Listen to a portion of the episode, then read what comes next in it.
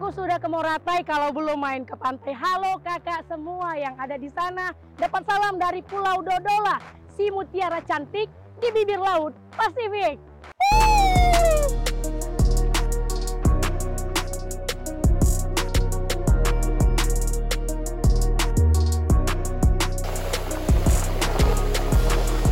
Indonesia sebagai negara kepulauan menjanjikan panorama bahari yang indah.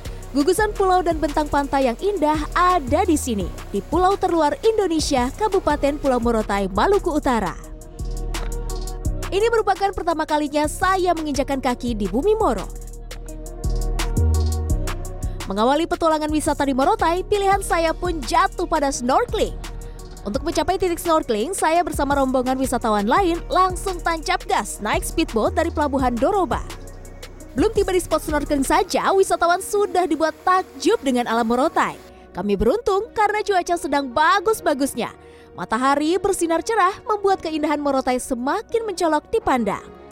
Sepanjang perjalanan, kami dimanjakan dengan panorama laut Morotai yang biru membentang. Hamparan air laut seperti menyatu dengan langit yang tak kalah birunya pagi itu. Keberuntungan kami di Bumi Moro semakin bertambah saja. Dalam perjalanan, kami bertemu dengan gerombolan lumba-lumba. Kalau kata anak sekarang sih, mestakung alias semesta mendukung. Barisan lumba-lumba ini berbaris rapih menjauhi bibir pantai.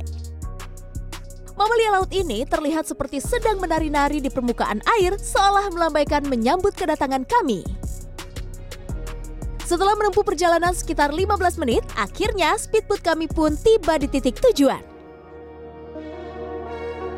Saat ini kita telah tiba di salah satu spot terbaik snorkeling yang ada di Morotai yaitu di Pulau Mitita. Menurut guide tadi di sini merupakan salah satu uh, spot yang direkomendasikan oleh para guide-guide yang ada di sekitar Kepulauan Morotai. Seperti tidak mau buang-buang waktu, para wisatawan langsung nyebur berpencar menikmati keindahan bawah laut Pulau Mitita.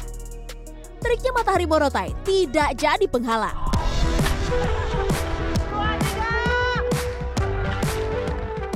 Saya juga tidak mau ketinggalan.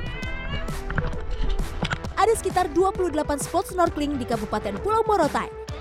Dan Pulau Mitita ini masuk ke dalam tujuh yang terbaik. Semakin Anda mendekat ke Pulau Mitita, semakin indah pemandangan bawah lautnya. Sebab semakin berwarna-warni ikan dan terumbu karang yang terlihat. Selain snorkeling, Anda juga bisa nih memenuhi wishlist menyelam Anda di perairan Pulau Mitita ini. Dengan kedalaman rata-rata 20 meter, eksotisme Pulau Mitita menawarkan pengalaman menyelam dengan hiu sirip putih dan sirip hitam. Eits, jangan takut dulu, hiu-hiu ini sudah terbiasa kok berinteraksi dengan para penyelam. Tapi tetap harus ditemani instruktur selam ya. Sensasi menyelam di antara hiu-hiu inilah yang menjadi daya tarik perairan Pulau Mitita. Tetap berhati-hati ya, lantaran arus bawahnya yang tergolong arus kuat. Sudah sampai Morotai, belum afdol dong kalau belum menyambangi pulau-pulau kecil dengan pasir putihnya.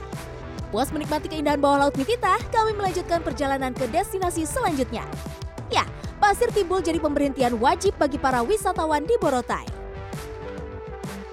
Sama seperti namanya, tempat ini terbentuk dari tumpukan pasir yang timbul di tengah-tengah hamparan laut. Luasnya juga tidak lebih besar jika dibandingkan lapangan sepak bola. Tapi keindahannya jangan ditanya lagi. Pasir putih dan jernihnya laut jadi kombinasi sempurna untuk memanjakan mata. Tidak ada kebisingan, hanya terdengar deru ombak. Waktu pun berlalu terasa cepat. Sayangnya, keindahan pasir timbul ini tercoreng dengan keberadaan sampah yang terbawa arus laut ketika air sedang pasang. Lanjut gak nih? Lanjut dong, perjalanan kami di Kepulauan Morotai pun berlabuh di lokasi terakhir. Selamat datang di Pulau Dodola. Dodola dengan pesonanya menjadi destinasi yang wajib untuk dikunjungi. Yang unik dari pulau ini adalah bentuknya yang terpisah di antara dodola besar dan dodola kecil.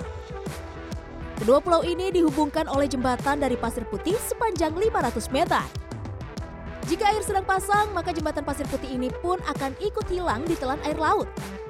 Ada lagi yang spesial dari Dodola.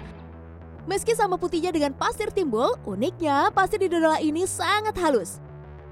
Bahkan ada sensasi dingin ketika menginjaknya. Rasanya seperti berjalan di atas tepung. Wah, the best banget ya nih tempat ini. Uh, masih alami banget ya, airnya jernih, ikannya pun masih friendly banget, bisa sampai pinggir pantai. Sebagai informasi, bagi Anda yang ingin menjelajahi pulau-pulau di Morotai, Anda harus menyewa perahu cepat dengan biaya sekitar 1 hingga satu setengah juta rupiah per perahunya. Lelah beraktivitas, saatnya mengisi tenaga. Santapan siang ini adalah makanan khas Morotai yaitu masakan kobong. Sama seperti artinya, kobong berisi hasil kebun seperti singkong dan pisang yang disantap dengan berbagai macam ikan juga sambal. Di sini sambal dabu-dabunya, uh, tak ada lawan deh.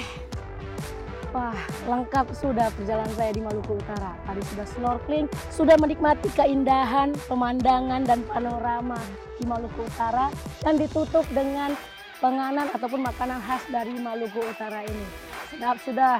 Suci Mancin, Mario Oktober, Maluku Utara.